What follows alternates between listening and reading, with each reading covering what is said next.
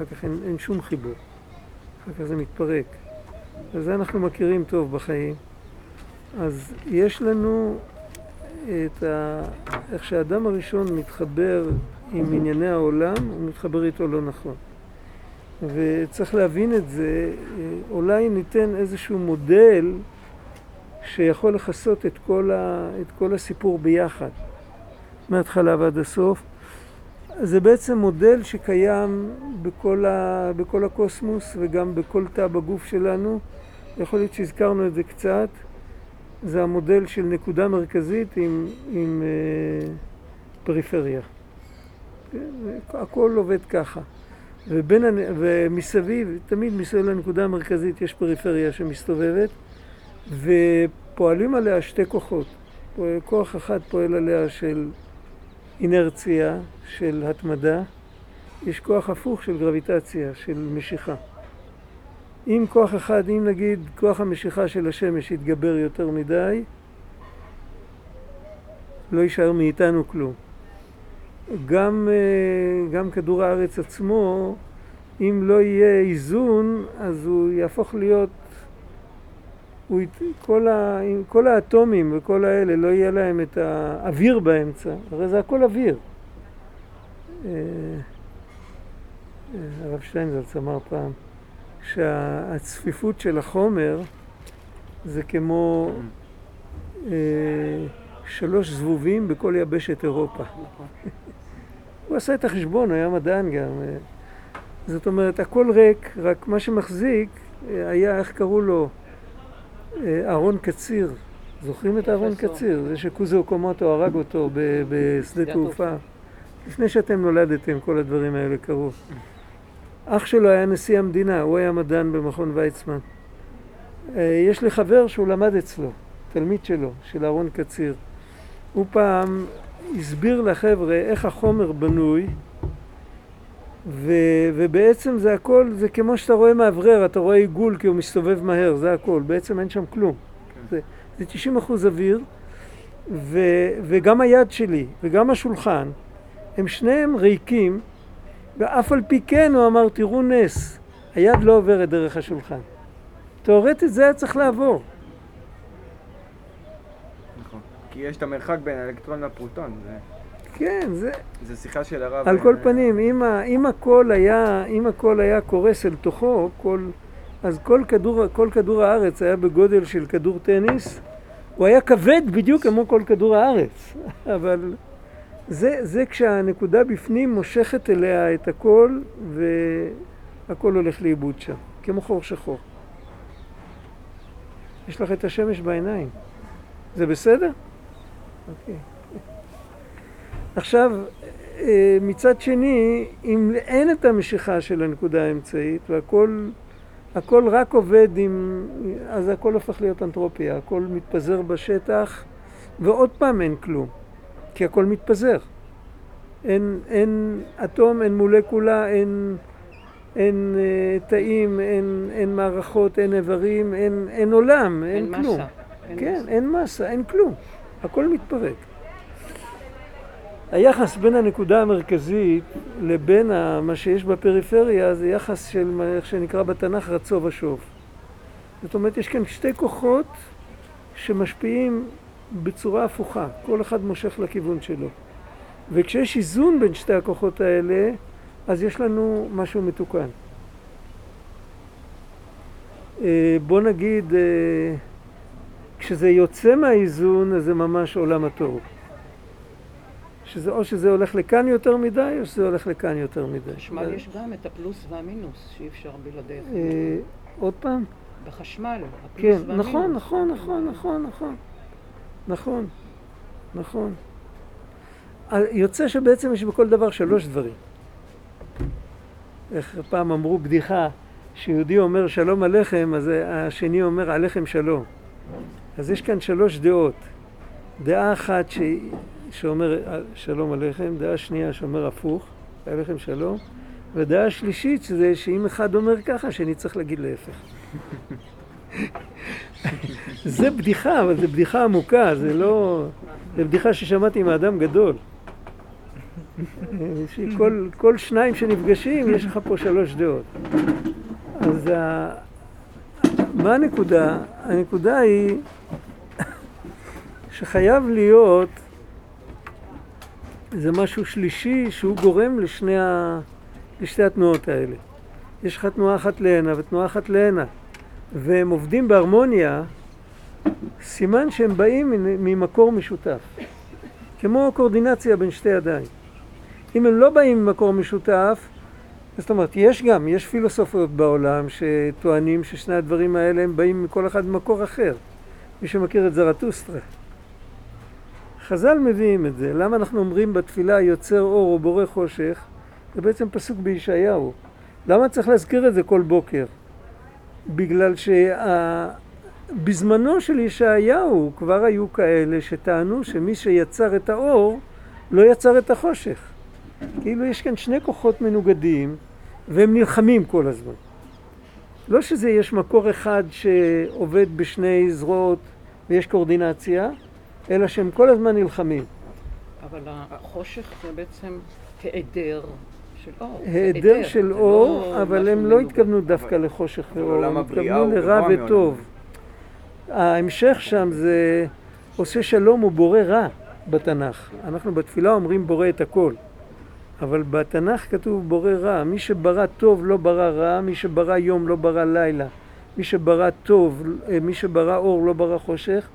זה הדת של עובדי האש. עד היום עוד יש כאלה. יש, אה, יש, יש בכמה, בשניים, שלוש מקומות בעולם, יש עוד כתות כאלה שמאמינים בדבר הזה. ו... אבל זה גם שני, זה שני דברים שונים. כאילו, בורא חושך, לברוא זה יש מאין, וייצר אור זה יש מיש. בסדר, אני לא רוצה, אני, היא שאלה את זה, זה רק היעדר. אני לא רוצה להיכנס עכשיו לסוגיה הזאת, כי זו עוד סוגיה. זו סוגיה ארוכה, יש על זה הרבה מה לדבר, על, על המציאות של החושך ועל המציאות של ההיעדר ועל המציאות של הרע. צריך לדבר בהזדמנות אחרת. אבל על כל פנים, הנקודה שאפשר גם להסתכל על העולם בלי לראות את הקשר בין הנקודה המרכזית לבין הפריפריה. אפשר להתווכח, אפשר להגיד שזה שתי כוחות שתי כוחות שונים ממקורות שונים שנפגשו באקראי.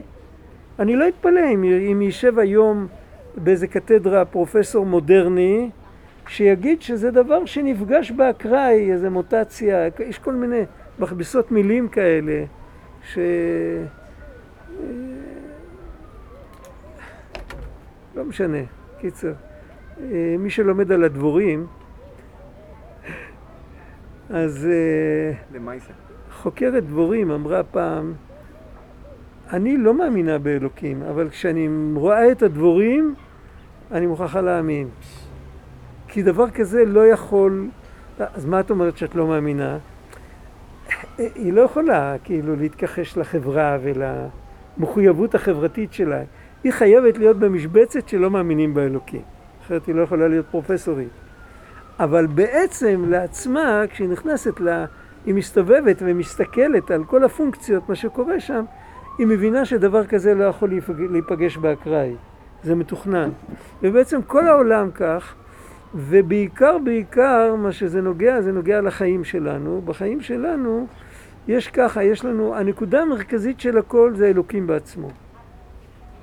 ואנחנו מסביב. אנחנו מסתובבים מסביב. אנחנו צריכים רק לשמור שנהיה עם הפנים אליו ולא לתת לו את הגב. אפשר להסתובב, אפשר להסתובב גם לעמוד מסביב חבורה של אנשים מסביב לנקודה מרכזית ולהסתובב, אבל לתת את הגב. ועל זה כתוב אה, כי פנוי אליי עורף ולא פנים. החיבור... אנחנו אומרים יאר השם פניו אליך, זאת אומרת שהוא הוא, הוא מאיר פניו אלינו, אבל אנחנו גם צריכים לפנות אליו עם הפנים ולא עם העורף. המוס... ההבדל בין הפנים לעורף זה הבדל איפה ההתעניינות, מה אני מת... מה...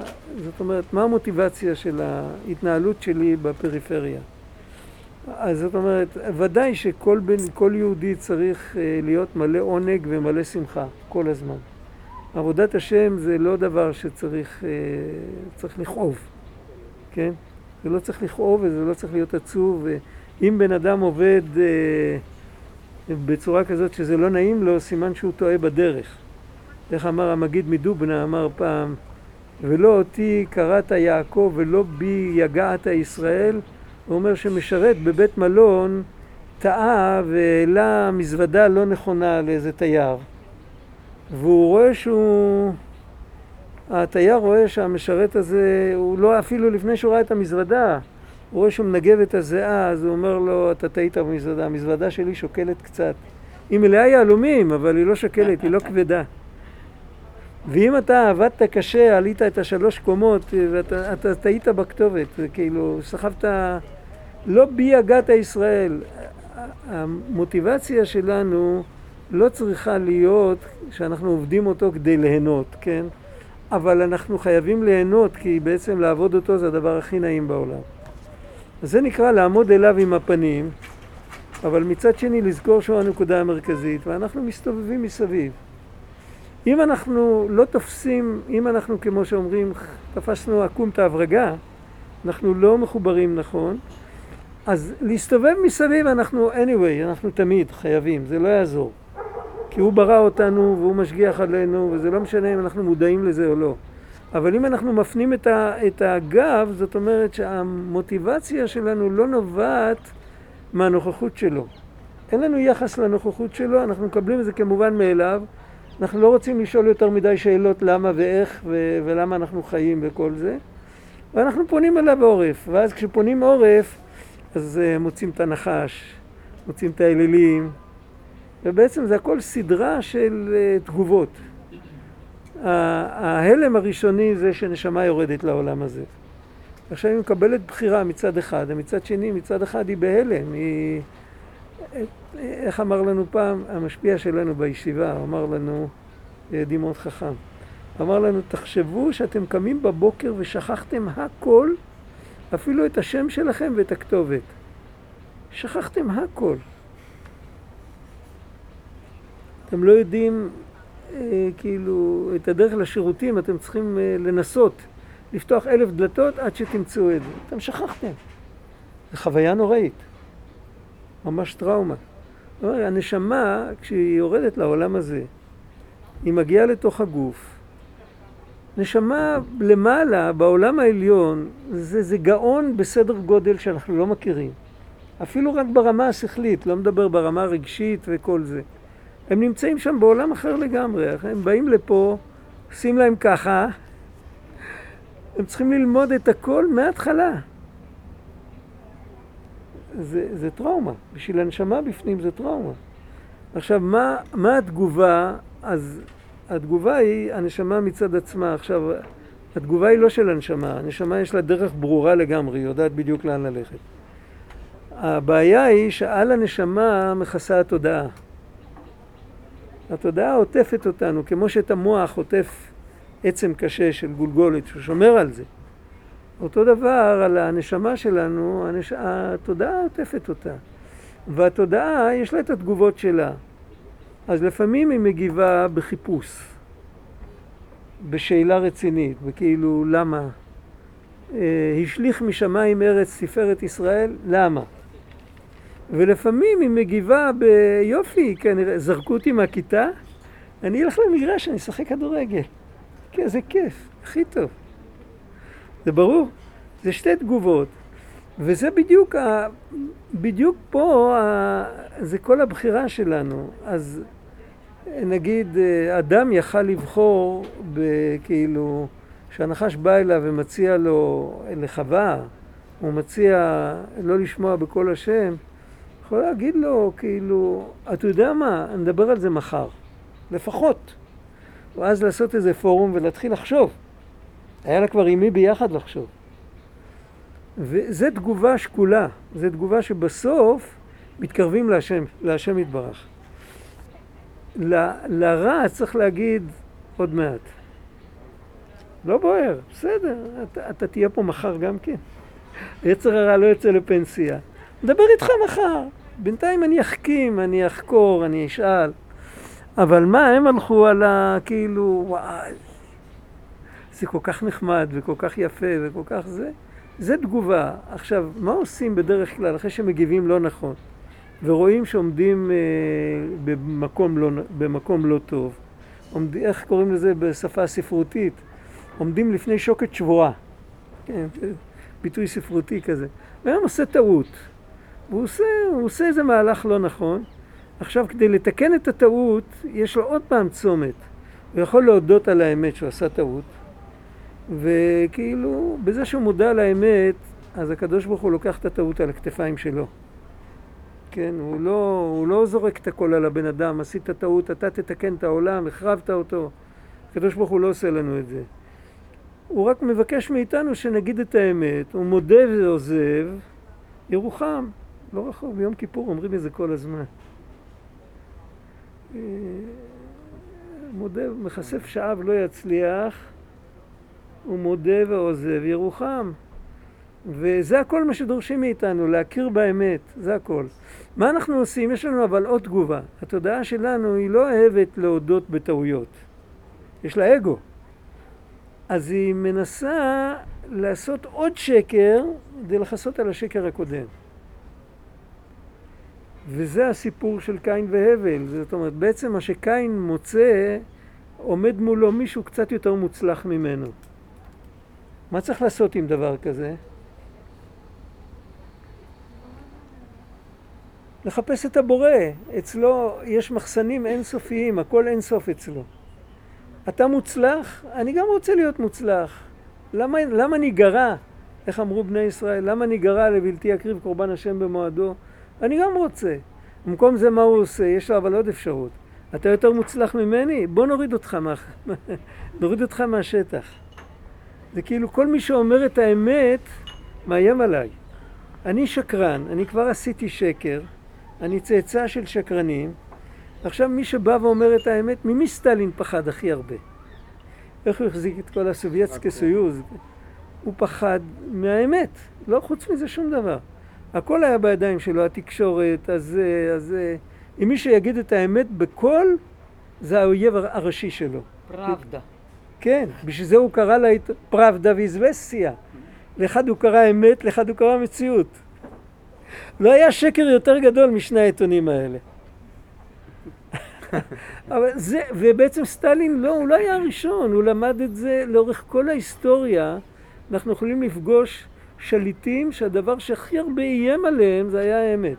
הראשון היה קין.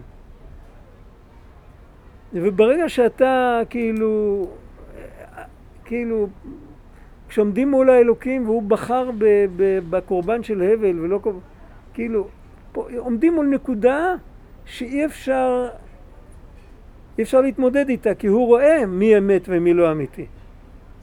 אז, אז מה צריך לעשות? לחסל את הנציגים של הנקודה הזאת בעולם. זה גם היה הסיפור שאנחנו נפגוש בתחילת לך לך עם אברהם אבינו, בעצם בסוף נוח. הסיפור של אור כסדים, של נמרוד. אה, מי... נמרוד היה לו הרבה אנשים באופוזיציה, כל, כל שליט יש לו, מי הפריע לו? אברהם. כל הפוזיציונרים האחרים, אז נגיד הוא עבד לאליל כזה, אז הם עבדו לאליל אחר. אבל הם לא העזו להגיד שכל הסיפור זה שקר מהתחלה ועד הסוף. היה לנו את זה, יש דעה במדרשים שנבוכדנצר היה צאצא של נמרוד. נדמה לי שזה מובא בסדר הדורות. נבוכדנצר שלט בכל המזרח, הוא לא החריב מקדשים. את המקדש בירושלים הוא החריב, זה הפריע לו. זה שמישהו אחר עובד לאל אחר ולא לאליל שלו, בסדר. אבל זה שיש איזה יהודי שמתחצף, למרות שהיהודים האלה גם עבדו עבודה זרה. אבל על כל פנים הם השאירו איזה נקודה של אמת. האמת הרגיזה אותם. ועכשיו אם נראה, אם זה הסיפור שלנו, בואו נשים לב, בעצם זה הסיפור שלנו. אנחנו, כל אחד יש לו את הטראומה שלו, והוא מנסה להתמודד איתה, במקום להתמודד איתה בלפנות אל האלוקים, אז הוא מתמודד איתה בזה שהוא דוחק את האלוקים החוצה מה... הוא נותן לו להיות נשיא הכבוד של הפדרציה, הוא משאיר אותו בצ... לא רלוונטי. עזב השם את הארץ. ואז הוא מפתח אגרסיביות, כוחי ועוצם ידי, אם משהו מפריע לו אז הוא מחסל אותו. ואחר כך הוא כבר מתחיל לעבוד אלילים, זה התחיל בדור, בדור של אנוש, הוא ממציא כל מיני דברים. אה, בכל דור יש אליל אחר. האליל התורן, כאילו, בכל דור משתנה, אבל תמיד יש איזה אליל. פעם, פעם האנשים האמינו בשדים ורוחות, אחר כך האמינו ב, באידיאלים, מי שמכיר, ב, באידאות, זה לא אידיאלים, זה אידאות, ובכל מיני וריאציות, ואחר כך אה, האמינו בכל מיני קדושים אה, מזויפים, כל מיני כאלה. אחר כך התחילו, יצאו מזה קצת, כי הם אכזבו כל הזמן, כל. השדים אכזבו, והאידאות אכזבו, וה... וכל ההולימנס האלה אכזבו כולם, אז התחילו להאמין, התחילו להאמין במדע, שלחו את אנשי המדע שיפתרו את בעיית העולם, הם יביאו תשובות, כאילו. והתחילו ללמוד טבע, חוקי הטבע, כאילו שהטבע זה איזה פרלמנט שיוצר חוקים. קיצר, כל, כל דור יש לו את האליל התורן שלו, זה ברור לגמרי, ככה זה נמשך. וכל פעם שקופץ, ה... איך אומרים, הנביא, אז איך כתוב בתנ"ך? הביא לנביא משוגע איש הרוח. את הנביא מסמנים היום אם יהיה נביא. אם יהיה נביא אמיתי, איפה החברה תשים אותו? במוסד סגור, ודאי. מיד ישימו עליו תווית של פיצול אישיות, סכיזופרניה וזה, הוא שומע קולות. לא משנה כמה שהוא ידבר עם היגיון, אבל מיד, כי, כי זהו, פוחדים מהאמת. אין היום נביאים, אין מה לפחד. אבל אם יגיע אחד כזה, אז יאשפזו אותו מיד. אחר כך, בסדר, עכשיו אנחנו בתוך השקר, אבל בפנים משהו מתחיל להתעורר. מתחיל להתעורר איזו תגובה של החלק הפנימי, יותר עמוק. ואז מופיע אחד כמו חנוך. חנוך כתוב, חנוך היה בעשר דורות שבין אדם לנוח. חנוך היה עובד אלוקים, והוא אה, התחיל, אה, הוא עשה הפצות. הוא התחיל ללמד אנשים לעבוד את השם, באיזשהו אופן לזרוק את האלילים. אבל הוא היה כל כך, עם משיכה כל כך לקדושה, שהוא כל פעם הופיע פחות. פעם הוא היה מגיע פעם ביום, אחרי זה פעם בשבוע, אחרי זה פעם בחודש, ככה זה מופיע. ב... יש מדרש עתיק יומין שנקרא ספר הישר. ספר הישר, מוכר? כן. אז שם מופיע הסיפור של חנוך בפרטיות, וכל פעם הוא היה, אחרי זה הוא היה מופיע רק פעם בשבוע, פעם בחודש, אחרי זה היה מופיע רק פעם בשנה, אחרי זה פעם בשבע שנים. בצורה ש... כזאת אי אפשר להשפיע על האנושות. עד שהיה איננו. ובסוף, אה. כי איננו, איננו, כי לקח אותו אלוקים. זה גם תגובה, זה תגובת נגד לכל המצבים האלה של קין ושל אה, כאילו של אנוש. זה תגובה הפוכה, זה תגובה שבו, זה תגובה שהם הלכו לפריפריה יותר מדי, זה המודל שדיברנו עליו. עכשיו הוא הולך למרכז יותר מדי, אז הוא איננו, כי לקח אותו אלוקים. אחרי זה מתושלח לא ברור בדיוק מה היה הסיפור שלו, אבל כתוב שהוא היה צדיק, לא יודע. אחרי זה מגיע נוח, נוח מנסה להיות קצת יותר מאוזן. הוא בונה תיבה, הוא הולך להציל את האנושות שעתידה להיות מושמדת. אם באים ושואלים אותו למה אתה בונה תיבה, אז הוא עושה טובה ומספר להם, ואז הם כולם צוחקים עליו. הוא לא מצליח. ואחרי שהכל נמוג, וזו חוויה לא פשוטה, זאת אומרת, תחשבו על בן אדם, אנחנו מדברים על, על אנשים לפני כך וכך שנים, אבל בואו נחשוב על עצמנו. כאילו, הלכנו בדרך אחת, לא הצלחנו, הלכנו בדרך השנייה, לא הצלחנו. כי כל פעם לא היינו במקום, לא היינו, לא חיברנו את הקצוות נכון.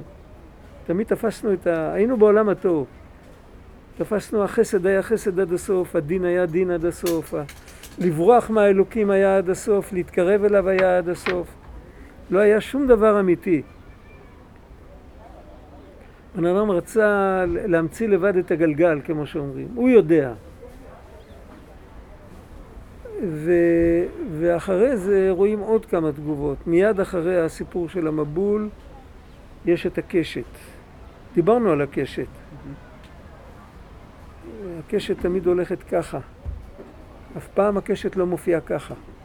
ותמיד החץ הוא כלפי מעלה. אז הפשטנים מסבירים שהחץ הוא כלפי מעלה כי זה, כי מידת הדין היא, היא, לא, היא, לא, היא לא דומיננטית עכשיו, היא עכשיו חסד. לא יורים עלינו חיצים, אבל הפירוש הפנימי של החץ שפונה כלפי מעלה זה התפילות. זו התגובה הבריאה שאחרי המבול. להתחיל לח... להיות פה כמו קשת. הקשת, הבסיס שלה זה באדמה, הראש שלה מגיע לשמיים, ועליה יש חץ שפונה הכי גבוה שיכול לעוף. זה בדיוק היהודי המתפלל, או אז לא היה יהודים, האדם המתפלל, שהוא עומד עם הרגליים על הארץ, הוא יודע שהוא צריך להמשיך פה, הוא לא איננו כי לקח אותו אלוקים, הוא לא מנסה להיות מלאך, הוא לא מנסה להישאב לאלוקות, הוא יודע שיש לו תפקיד, ולעזוב פה מותר לו רק מתי שיקראו לו, לא רגע אחד לפני זה. כמו שאסור להתאבד, ככה אסור גם לצאת בכלות הנפש. זה, זה, זה שתי הרגליים שעומדות, אבל את הפנים שלו, את התפילה שלו, הוא שולח הכי גבוה שיכול.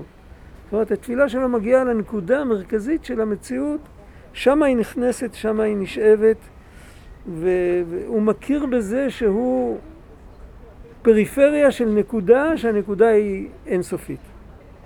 הוא לא יצור עצמאי, הוא לא כאילו, אני אעשה מה שאני רוצה. אם אני אעשה מה שאני רוצה, אז אני באנטרופיה ואני מתפזר ואני כאילו, אני עוד פעם מאבד את, ה, מאבד את המציאות. זה, זה, זה, זה, איך אומרים, הקריאת כיוון של הקשת. אבל מיד אחרי זה באה תגובה הפוכה. התגובה של הקשת היא לא תגובה אנושית, היא תגובה אלוקית. זה כמו פרק שהאלוקים מלמד אותנו. זה מגיע בנבואה לנוח, הוא אומר זאת אותה ברית, צריך לשמור עליה. לעומת זאת, יש לנו את הסיפור ההפוך של התגובה של אה, נוח שהוא משתכר, ואת התגובה של... אה, שכרות זה חלק מה... אחרי, מה עושה בן אדם שהוא עובר מצב לא נעים? הוא הולך לבקבוק, כן? וודקה לוקסוסובה. כאילו, איזה משהו כזה, את ה... משנה תודעה. כן, או שהוא הולך ל-LSD, זה לא משנה, זה היינו הך. או לאיזה פטריה ממקסיקו, שבסוף היא קוברת אותו, יש לו הפרעות נפשיות עד סוף ימיו. אבל בינתיים, וזה כל החבר'ה וכולם, ולא משנה ששם עושים את זה פעם בשלוש שנים. הוא מתחיל לקחת את זה כל יום והוא מתפרק לגמרי. אבל זה גם תגובה. זה תגובה, וזו תגובה אנושית, וזה יש בסיפור של, אה, של נוח שהוא משתכר, ובסיפור של החם וכנען שמתנהגים איתו לא יפה, לפי כל הפירושים שיש שם. ויש את התגובה המאוזנת, הנכונה, של שם ויפת. שבאמת אנחנו מזועזעים עד עמקי נשמתנו, גם מהמבול וגם ממה שקרה אחרי המבול. ואחרי ככלות הכל, אנחנו לא יכולים לתקן את הכל ולהחזיר את הכל לקדמותו, אבל מה שאנחנו יכולים אנחנו עושים. איך אמרו חז"ל במשנה, לא עליך המלאכה לגמור, ולא אתה בן חורין להיפטר ממנה. אנא, אל תהיה פרפקציוניסט, אל תלך עם אי... או הכל או כלום, זה הדבר הכי, הכי שקר, השקר הכי גדול בעולם. אז זה, זה הסיפור שהם מראים לנו. אבל הם לא היחידים, זאת אומרת, אנחנו יכולים להיות, יש לנו תמיד, אנחנו בצומת. אנחנו יכולים להמשיך את הסיפור כמו חם וכמו כנען, ו- ואנחנו דיברנו על זה גם מי שזה היה בהיסטוריה, חם וכנען. אולי נחזור על זה יותר מאוחר. ואנחנו יכולים ללכת עם שם ועם יפת, שזה סיפור אחר לגמרי. עכשיו, משם יוצא בסוף אברהם. אברהם עוד פעם מביא אותנו לצומת, אברהם בעצם בא לתקן את הכל. חז"ל אמרו, אלה תולדות השמיים והארץ בהיברעם אותיות אברהם. כי בעצם הבריאה, מי שמחדש את הבריאה זה אברהם. הוא, הוא מחזיר את המודל המקורי של עיגול עם נקודה באמצע ועם עיגול שמסתובב מסביב לנקודה ולא מחפש לעצמו נקודה בחוץ. זאת אומרת, מציאות בריאה, מציאות שעובדת. אברהם מתחיל לחפש את הדבר הזה. והוא מגיע. מהרגע הראשון שהוא קיבל את ההכרה, אז הוא כל הזמן מחפש, הוא רואה עולם שעובד מיליון אלילים, כן, ויש עוד מקומות כאלה בעולם, שעובדים למיליון מיליון ישויות, והפלא הוא שכל אחד מאמין בכל המיליון. יש לו חג לכל אחד מהמיליון, ויש לו יום בשבוע, כמו ב... איך אומרים את זה באנגלית? סנדיי, מנדיי, מה זה הדבר הזה? חשבתם על זה פעם? בטח. ביום ראשון הם עבדו לשמש, ביום שני הם עבדו לירח. ככה. ממש כך. זה, זה שריד של אליליות. כן. אז... וכשאברהם, הילד הקטן, הוא מסתכל על זה, אז הוא אומר, רגע, איך כל המשמש הזה, איפה. איפה הפואנטה? הוא הבין שלא יכול להיות, דבר כזה לא מתפקד. זה לא עובד, זה לא נכון. שום דבר בעולם לא עובד ככה. ואז הוא מחפש, וכשהוא מחפש האלוקים מתגלה אליו, והתפקיד שלו הופך להיות לבשר לאנושות, כאילו להחזיר אותם חזרה לנקודת ההתחלה. וזה בחיים שלנו, זה עוד פעם, זה אחרי שעברנו, היינו אדם, היינו חווה, היינו הנחש, היינו קין, היינו הבל, היינו אנוש, היינו גם חנוך, אחרי זה היינו נוח, ואחרי זה היינו גם נוח השיכור וגם נוח וגם חם וגם כנען וגם שם וגם יפת, ואחרי ככלות הכל יש לנו עכשיו את האפשרות להיות אברהם. זה בעצם הסיפור, זה, זה כל פירוש על הדיבור של רבי נתן, שהוא אמר שכל התורה כולה וכל התנ"ך כולו זה בעצם הסיפור של כל בן אדם בפרט. כל אדם יש לו בתוכו את כל הדברים האלה. והרבי פיאסצנה כותב שכשלומדים תנ"ך צריך להזדהות עם הדמויות, כי אחרת לא למדנו כלום. ולהזדהות עם הדמויות זה הולך בשתי אופנים.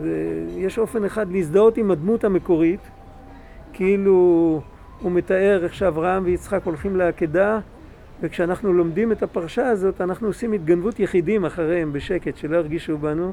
אנחנו בעצם מלווים אותם ושומעים איך הם מדברים אחד עם השני. ואנחנו מנסים להרגיש מה הם מרגישים, זה אופן אחד. אופן שני זה להזדהות עם הגיבורים, זה שבעצם הם עכשיו נמצאים בתוכנו, ואנחנו עכשיו אברהם ויצחק. במיליון דרגות יותר נמוך, לא משנה, אבל אנחנו ביטוי של אותו סיפור. הסיפורים האלה הם תמיד, זה העומק של התורה היא נצחית. עכשיו, זה נקודה אחת, שאפשר כאילו על חוט אחד לחרוז את כל החרוזים שלמדנו עליהם, והחוט הזה זה אנחנו. דבר נוסף, צריך להבין, זה הרי נורא ואיום, אם אנחנו גם אדם גם אותו אדם שחוכמתו מרובה ממלאכי השרת, ושנייה אחרי זה אנחנו הנחש, ושנייה אחרי זה אנחנו אנוש שהמציא את העבודת אלילים בעולם, וכל זה... זה קשה. איך אפשר לעבור חיים כאלה ולא לא להשתגע? אז קודם כל, ברוך השם, לא השתגענו, ועברנו חיים כאלה, כל אחד היה לו את הסיפור שלו. וכמה שבן אדם צעיר, אז הוא כבר עבר הרבה הרבה. חלק גדול מהסיפור האלה זה סך הכל רק שתי פרשיות. יש לנו אחר כך את, את עוד הרבה, את יצחק, את יעקב, ואת לבן, ואת פרעה, ו... אנחנו רק בתחילת סיפור. את הפרשיות הראשונות, כל אחד עבר, אני חושב, כבר בגיל עשרים, כל אחד עבר כבר. יכול להיות שעברנו אותם בכמה וריאציות, בכמה נגלות. אבל על כל פנים, צריך משהו שיש, שישמור עלינו שבכל אופן שלא נשתגע. והנקודה הזאת זה, איך כתוב שם? אני השם לא שניתי.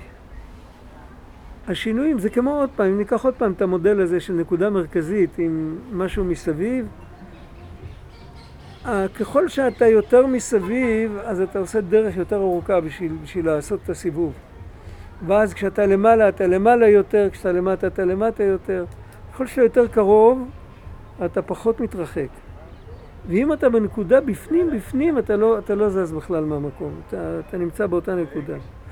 והנקודה הזאת שומרת עליך, אם יש לך קשר איתה, שכל המעברים שעוברים עליך, שלא ישגעו אותך. והנקודה הזאת זה הקשר עם האלוקים. מלכותו בכל משלה, לא שמעתי. תמימות, תמים. להיות תמים, להיות שלם, להיות איתו. על כל פנים להכיר בעובדה שמצידו אין שינוי. אנחנו, פה נכנס בדיוק המשל הזה ששמעתם אותו, כבר נמאס לכם לשמוע אותו, המשל של המדרגות הלולייניות. זוכרים? שמצד אחד, זה משל כזה, מי שלא היה פה. יש מדרגות על מבנה, על מבנה עגול. מצד אחד יש חלון שמוציא החוצה אור. בפנים יש אור. מי שנמצא בפנים הכל בסדר, בפנים יש עוד מדרגות, אבל הם כולם באור. אבל בחוץ 50% מהסיבובים הם בחושך. וכשבן אדם רוצה להגיע לחלון הזה ולהיכנס פנימה, הדרך להיכנס פנימה זה מלמעלה. אז הוא חייב לעבור את כל המסלולים בשלמות, גם את החושך. והמשמעות של זה, שגם מתי שאנחנו הנחש, או מתי שאנחנו אנוש, או מתי שאנחנו חולה אנוש, כן, כמו שאומרים, המשמעות של זה שתמיד זה בדרך למקום טוב. רק השאלה זה כמה פעמים נצטרך לעשות את ה... אה, זה דבר ידוע בעולם, שכל בן אדם צריך ללמוד את השיעור שלו. הגויים גם יודעים את זה, זה, זה דבר שהוא, בכל העולם לומדים על זה. כל מי שלמד, מלמד משהו קצת יותר עמוק, מלמד את זה. והם מיד משליכים את זה על גלגולים. כל אחד צריך ללמוד משהו, איך למלות את התפקיד שלו, ואם הוא לא עושה את זה בפעם הראשונה, זה יחזור על זה עוד פעם ועוד פעם, מסדר נוסף. זה כמו טסט. אפשר לעשות עשרים פעם טסט. אם אתה נכשל, אתה תעשה עשרים ואחת פעמים. מה המטרה של טסט? המטרה של טסט זה, זה להעביר בן אדם במצבים שיש הפתעות. אתה לא, אתה לא בעל הבית על, השיגע, על השיגעון של הנהג ממולך. הוא משוגע, ואתה צריך לקחת בחשבון, איך אומרים, נהיה רמזור ירוק. אז אתה עדיין לא נוסע כל זמן שאתה לא מסתכל מה קורה בשטח. הרמזור הירוק זה לא אור ירוק לנסוע, זה אור ירוק להתעורר מהחלומות שלך ולהתחיל להסתכל לאן אני, מה אני עושה עכשיו. האם בן אדם נוסע כל הזמן אוטוסטרדה, תחשבו בן אדם שלא רוצה לקחת לא ימינה ולא שמאלה, לאן הוא יגיע בסוף? הוא לא רוצה לעצור ברמזור, הוא מחליט שהוא נוסע ישר. הוא יפספס את כל היישובים בדרך. הבן אדם צריך להיות ער ולדעת שיש לו בכל צומת, יש לו בחירה, הוא צריך לפקוח את העיניים ולחשוב מה הוא עושה. ואת הכוח הזה הוא מקבל מהשם, השם לא עוזב אותו. ואם הוא מסתבך, ואם הוא נסע קטע אחד לא נכון, ואז הוא הפך להיות הנחש או אנוש או משהו כזה, אז הוא צריך להבין שהקטע הזה שהוא נסע בכיוון הלא נכון, זה היה סך הכל לטובתו. הוא למד שם משהו. והניסיון שמנסים אותו זה עם איזה מצב רוח הוא יעשה פרסה וימשיך לנסוע לכיוון הנכון. אם הוא... יש לפעמים בן אדם שאומר, לא, אני לא טועה אף פעם. מכירים את החברה האלה? הם אף פעם לא טועים. אם נסעתי לכאן, אז אני פה. אבל פה זה... ישחטו אותך פה. אתה תתדרדר לתהום, אין פה, אין פה, אין פה לאן להגיע, זה לא, אבל לא, לא משנה, אני לא... זה, זה אפשרות אחת לבחור. אפשרות שנייה זה להגיד באמת, טעיתי בצומת, אז עושים פרסה, חוזרים לצומת והולכים לכיוון הנכון. ועכשיו, אז למה היה צריך לטעות? היה אפשר לא לטעות. אבל אם לא טועים, אז לא מוצאים בתוכנו את הכוח להגיד לעצמי, טעיתי ואני רוצה לתקן. אני יכול, אם אני אף פעם לא אטעה, אני לעולם ועד אשאר במשבצת הזאת של הבן אדם שבמרכאות לא טועה. ואז כשאני כבר אהיה בגיל זקנה ואני כבר לא יכול ללמוד דברים חדשים, אז אני אעשה טעות ואני לא יכול לתקן אותה. עדיף מתי שאנחנו צעירים ויש לנו את כוח, יש לנו את הגמישות, להתבונן, להסתכל שטעינו ולקחת רוורס. ובשביל זה מזמינים לנו את הטעויות, את הטעויות, את השגגות, את כל הדברים האלה. ואם זוכרים את זה שהכל לטובה, איך כתוב שם, אהבתי אתכם, אמר השם. אז אפשר לעבור את כל המעברים האלה, את כל המחרוזת של כל הדמויות האלה שלמדנו עליהן, ולמרות שאנחנו כל פעם מזדהים עם דמות, אפשר גם לדלג על דמות אחת, לא תמיד צריך לבחור להזדהות עם הנחש. אבל אם אפילו אם הזדהינו איתו, אנחנו יכולים גם לקחת רוורס, לחזור לצומת ולעקוף אותו. לא חייבים להישאר שם. מה השעה עכשיו? עשרה לשלוש. אז זה פחות או יותר העניין. הרב גד, יש לי שאלה. אה, עוד פעם, לא שמעתי? יש לי שאלה. כן, רבי נחמן מדבר על העניין שהיד הקטנה מסתירה ממאורות גדולים. כן. שמתי לב שיש שם שני עניינים. אחד זה בכלל להבין שהיד הקטנה מסתירה. כן. אבל גם אחרי זה, כשאתה מזהה שיש את זה, זה נורא נורא קשה להוציא אותה. כי אנחנו להזיז מלאים... אותה. כתוב שם בקלות אפשר להזיז אותה. כי, אני, כי לפחות על עצמי אני יכול להגיד, הנקודה של אז ההזדהות האמת, הרגשית היא אני כל כך חשבתי עזה. על זה. חשבתי על זה. דווקא על זה כמו כן המטבע חשבתי. של הבעל שם טוב. כן, זה כן, על. זה כן חשבתי. חשבתי על זה. זו שאלה טובה. לא כתוב שם איך. אתה יודע למה לא כתוב שם איך? כי זה כתוב במקומות אחרים. זה כתוב בתורה י"ב בחלק ב', זה כתוב בתורה נ"ו.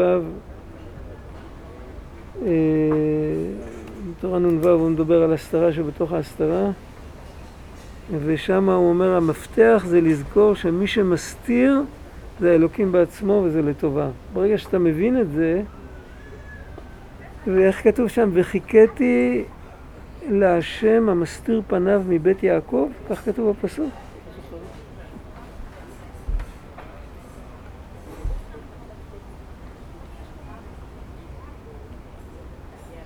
דיברנו על טסט, עכשיו הבת שלי כותבת לי, עברתי את הטסט בהצלחה. טסט מספר 20? אה, לא, מה פתאום? וזה, אבל שלא מאמין בהשגחה פרטית,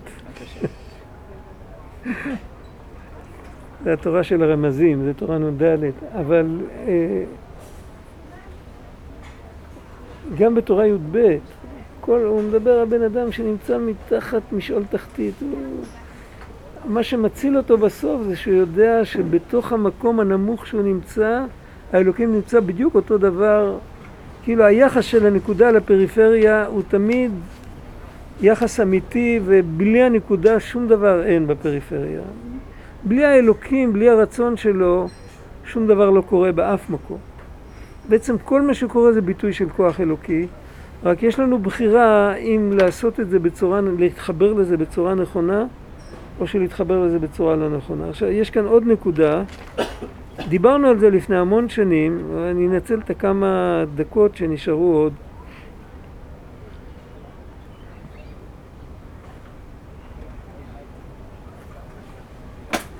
מי שזוכר את הסיפור של המלפפון? מי זוכר את הסיפור של המלפפון? הם לא זוכרים. את הסיפור של המדרגות הלולייניות, זכרתם? כן. כן. סיפור של מלפפון שסיפרתי כמה פעמים, היה, היה חסיד ברסלב מה, משלוש דורות קודם, קראו לו רבי גדליה קניג. נפטר בגיל צעיר, בגיל 59 הוא נפטר, הוא ישב על הכורסה ו- ונפטר, ככה, באמצע העבודה. אז הוא היה יהודי מאוד מאוד מיוחד, והוא, הדפיסו קצת חלק מהמכתבים שלו. יש עשרה כרכים של מכתבים שהדפיסו ממנו. אז לא היה כל כך טלפונים, אז כתבו מכתבים, אז נשאר משהו. אז הוא כותב למישהו, הוא כותב, אה, מתי שאתה אוכל, מישהו שאל אותו משהו על אוכל, אני לא יודע מה הוא שאל אותו. את המכתבים, את השאלות אין, יש רק את התשובות. כשאתה יושב לאכול, אתה מחזיק ביד מלפפון. אז אתה צריך להקשיב. בתוך המלפפון הזה, לפעמים יש בן אדם, יש שם נפש. והנפש הזאת מדברת אליך. היא אומרת לך, אני הייתי בן אדם כמוך, הייתי יותר נחמד ממך. אבל בגלל שקלקלתי משהו, אז נגזר עליי שאני אחזור עוד פעם לעולם הזה, ושאני אהיה בתוך מלפפון, ואתה עכשיו יכול לתקן אותי. אנא, תאכל אותי כמו בן אדם, לא כמו חיה רעה. ושתקשיב לזה, אז אתה תראה שבעקבות האוכל הזה, אתה תיפתח למשהו יותר רוחני ויותר גבוה. אז מה ההסבר לזה? אני ראיתי אחד מהתלמידים שלו הסביר את זה פעם, כבר הרבה שנים, הוא נפטר לפני 40 שנה, הבן אדם שכתב את המכתב הזה. יש לו כבר נכדים רוחניים, כמו שאומרים. אז אה, אחד מהתלמידים שלו הסביר דבר פשוט, הוא אמר ככה, בכל דבר יש ניצוץ אלוקי, בכל דבר יש כוח אלוקי. והכוח הזה, אם הוא ייכנס בנו, זה יכול להיות חולצה, זה יכול להיות נורת חשמל, זה יכול להיות בית, זה יכול להיות... אם אנחנו משתמשים בזה נכון והכוח, הניצוץ הזה נכנס בנו, אנחנו מקבלים תוספת דעת ותוספת קדושה. ואם הדבר הזה הוא אסור עלינו בשימוש, אז ברגע שאנחנו משתמשים בו, באותו רגע אנחנו מאוד נהנים ממנו, אבל רגע אחרי זה הוא לא יכול להיכנס בנו, כי אנחנו לא יכולים לנגוע במשהו אלוקי לא לפי מה שהאלוקים נתן לנו. אז הוא בורח מאיתנו, ואז אנחנו בדיכאון, כאילו הרגשנו שהפסדנו משהו. זה החז"ל שמי שיש לו מנה רוצה 200 וכן הלאה, תמיד אה, כמו מים מלוכים. אבל מה קורה אם אנחנו פוגשים דבר שאסור לנו להשתמש בו ואנחנו נמנעים ממנו, אז זה הדבר הפלא. אז הניצוץ הזה משתחרר אל תוך הנפש שלנו למרות שלא נגענו בדבר. זה, זה החידוש הגדול. זה מצוות לא תעשה בעצם. בכל מצוות לא תעשה יש את הדבר הזה. שכל פעם שאני כאילו, אני לא עושה מה שאני אמור לא לעשות, אז אני מקבל אל תוכי, והניצוץ הזה הוא יותר גבוה. בשביל זה הוא מושך יותר. רק אני, הוא מושך אותי בצורה לא נכונה, זה עוד פעם כמו לתפוס הברגה עקום. הוא מושך אותי בצורה לא נכונה, ואני מרגיש שאני רוצה לבלוע אותו, כאילו, אני רוצה, זה יכול להיות אה, בן אדם, זה יכול להיות אה, אה, בעל חי, זה יכול להיות אה, צומח, זה יכול להיות דומם, זה יכול להיות בכל הווריאציות, כל, כל מיני מפגשים שיש לנו בעולם, שאני מאוד מרגיש שאני נמשך לזה בגלל שיש בזה ניצוץ עוד יותר גבוה, אבל את הניצוץ הזה אני אקבל מתי שאני אתרחק, מתי שאני אמנע. כדי להימנע, מה צריך לעשות? להגיד או, את העוד אז מעט? זהו, להבין שאני עכשיו, אם אני הולך עם זה, אני מאוד ייהנה דקה בדיוק. זה סיפרתי גם כן, סיפרתי פעם, עכשיו אפשר להבין את זה יותר טוב. סיפרתי את זה לפני הרבה זמן. היה, הכרתי יהודי בתל אביב, הוא נפטר בשנה של מלחמת ששת הימים. זה יהודי שהוא ידע באיזה דקה הוא ייפטר מן העולם. הוא שכב בבית חולים, לידו שכב קצין פצוע מהחזית, והוא כל פעם שאל אותו, כבר שבע? בשבע בדיוק הוא נפטר. אבא שלי בא לבקר אותו, זה כבר היה אחרי שבע, אז הקצין סיפר לו את הסיפור. הוא היה יהודי רוחני, הוא היה בן אחר בן מרבי נחום מצ'רנוביל, תלמיד של הבעל שם טוב. שלשלת של אדמו"רים באוקראינה. הוא כתב כמה ספרים, הוא היה אדם מאוד עמוק, מאוד, לא הכירו אותו הרבה, הוא היה אדם כזה. אז וגם הספרים שלו, כאילו, הוא הדפיס אותם בדיוק ערב השואה באירופה, ונשארו לא כמה אקספלרים יחידים ממש בכל העולם. אז אה, לא שמעתי. מי זה? קראו לו רבי צבי אריה טברסקי. מספר זהות ומספר אישי, אני לא יודע. אוקיי. הוא גר בתל אביב, ברחוב נחמני, אני לא זוכר את המספר. היה לו בית מדרש בבית, כי בתל אביב לא היה, באו להתפלל אצלו, כל הדתיים בסביבה. כל יום עד אחד בצהריים היה יושב עם uh, תפילין, עם טלית. היה יושב ולומד, רק אז היה הולך לטעום משהו. היה יהודי עובד השם גדול. הוא כותב, באחד מהספרים שלו, הוא כתב פרק על הבחירה. ואז הוא שואל, איזה בחירה, מה אתם מדברים? הרע מושך כל כך, והטוב נראה לנו כל כך אפור וכל כך משעמם. איזה בחירה זאת? אז הוא אמר, אם בן אדם ייזכר, אם הוא רוצה לאזן את הבחירה, אם הוא ייזכר איך הוא מרגיש אחרי שהוא עושה את הרע, ואיך הוא מרגיש אחרי שהוא עושה את הטוב, זה יאזן לו את הבחירה. זה ברור לגמרי. כי עכשיו, לפי ההסבר הזה, זה הסבר קבלי, ההסבר עם הניצוץ, לפי זה אפשר להבין... אה, למה שאלת איך קראו לו? כבר מזמן לא בחיים. הוא השאיר, הוא השאיר בת שהייתה נשואה לאיזה רב, והם ירדו לגרמניה ל- ל- לעשות שליחות שם בין היהודים. נדמה לי שנהרגה בתאונת דרכים. היה להם נכד אחד שלמד בזמנו בישיבת פונביז. אתה רוצה קצה חוט? קוראים לו מיכאל ביברפלד. אם זה מעניין אותך, הוא בטח, אם הוא עוד בחיים, אז הוא כבר סבא זקן, הנכד הזה. זהו, אני לא יודע. אם תמצא אותו, תגיד לי. לא, לא, האנשים היום לא יודעים מי זה היה. הרב, ספרים שלו נשאר? ספרים? אה? ספרים גם לא נשאר. אולי פה ושם אצל איזה אספן משהו. יכול להיות שמישהו העלה את זה למחשב באיזו ישיבה, ב... לא אולי בישיבת רמת גן. יש להם? ספרייה ממוחשבת. יכול להיות שאצלם יש את זה. כן. מה? כן? היא אומרת שכתוב עליו ב- כן. באינטרנט. מצאת שם של ספר? אמונה ודעת. אמונה ודעת, ויש עוד ספר. אז לא שיקרתי. אתה רואה? סוף סוף. לא חשבנו. לא מצאת את הספר השני? עיונים. עיונים. עיונים זה השם לוואי של האמונה ודעת. אין עוד, אין עוד שם. יש עוד שם. אה? הטוב והתכלית. טוב, תכתבי להם שהם פספסו, שיש עוד ספר.